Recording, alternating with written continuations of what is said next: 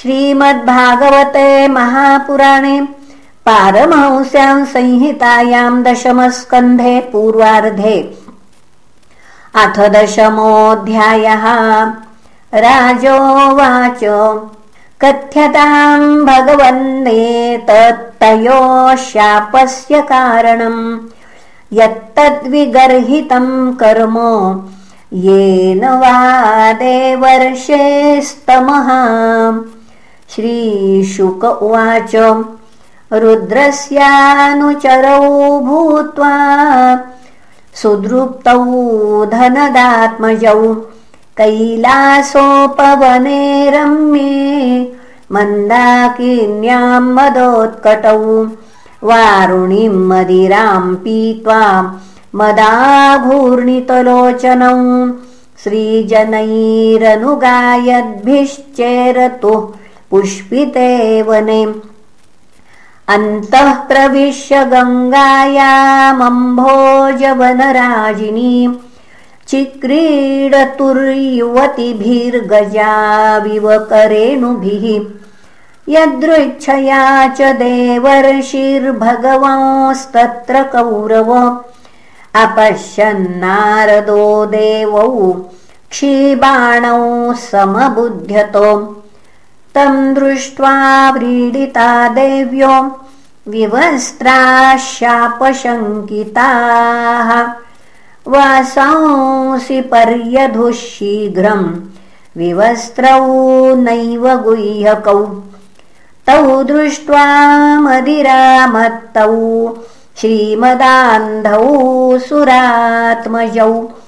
तयोरनुग्रहार्थाय शापम् दास्यमिदम् जगौ।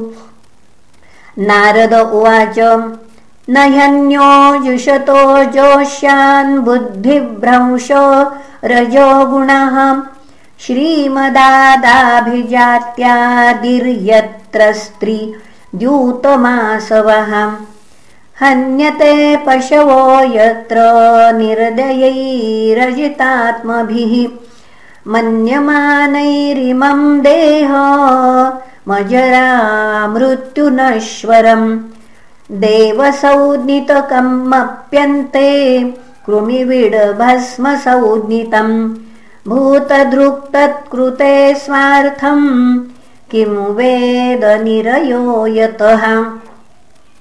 देहः किमनन्दातु पुनः देहः किमन्नदातु स्वम् निषेत्तुर्मातुरेव च मातुः पितुर्वा बलिनः क्रेतुरग्नेशुनोऽपि वाम्। एवम् साधारणम् देहमव्यक्तप्रभवाप्ययम् को विद्वानात्मसात् कृत्वा हन्ति जन्तूनृते सतः। असतः श्रीमदान्दस्य दारिद्र्यम् परमञ्जनम् आत्मौपम्येन भूतानि दरिद्रः परमीक्षते। यथा कण्टकविद्धाङ्गो जन्तोर्नेच्छति ताम् व्यथाम् जीवसाम्यम् गतो लिङ्गैर्न तथा विद्धकण्टकः। दरिद्रनिरहस्तम्भो मुक्तसर्वमदैरिह कृच्छ्रम् यदृच्छयाप्नोति। तद्धि तस्य परन्तपः। नित्यम् क्षुत्क्षामदेहस्य दरिद्रस्यान्नकाङ्क्षिणः। इन्द्रियाण्यनुशुष्यन्ति। हिंसापि विनिवर्तते। दरिद्रस्यैव युञ्जन्ते। पुनः दरिद्रस्यैव युज्यन्ते। साधवः समदर्शिनः। सद्भिः क्षिणोति तं तरशम् तत्ताराद्विशुध्यति। साधूनाम् समचित्तानाम् मुकुन्दचरणैषिणाम्। उपेक्षैः किम् धनस्तम्भैः। रसद्भिरसदाश्रयैः तदहम् मत्तयोर्माध्वा पुनः तदहं मत्तयोर्माध्व्याम् वारुण्या श्रीमदान्धयोः। तमोमदं हरिष्यामि स्त्रैणयोरजितात्मनोः। यदि मो लोकपालस्य पुत्रौ भूत्वा तमः प्लुतौ न विवाससमात्मानं विजानीतः सुदुर्मदौ। अर्तोर्हतस्थावरताम् स्याताम् नैवं यथा पुनः स्मृतिः स्यान्मत्प्रसादेन तत्रापि मदनुग्रहात्। वासुदेवस्य सान्निध्यम् लब्ध्वा दिव्यशरच्छते। वृत्ते स्वरलोकताम् भूयो लब्धभक्ती भविष्यतः। श्रीशुक उवाच एवमुक्त्वा स देवर्षिर्गतो नारायणाश्रमम् नलकूबरमणिग्रीवा वासतुर्यमलार्जुनौ ऋषेर्भागवतमुख्यस्य सत्यम् कर्तुम् वचो हरिः। जगामशनकैस्तत्र यत्रास्ताम् यमुल यम् पुनः यमलार्जुनौ।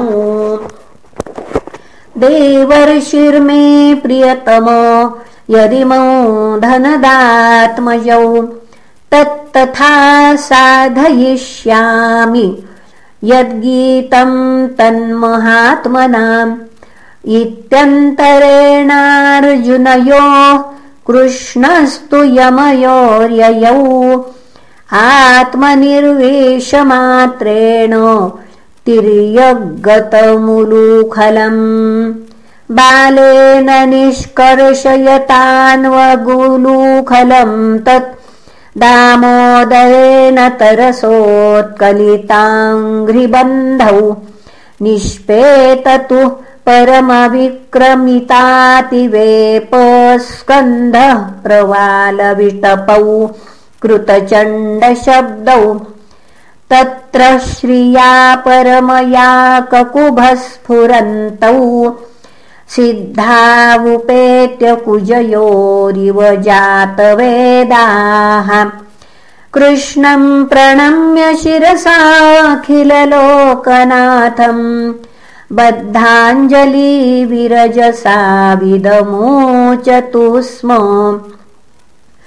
कृष्ण कृष्ण महायोगिंस्त्वमाद्यपुरुषः परः व्यक्ता विश्वम् रूपम् ते ब्राह्मणा विदुः।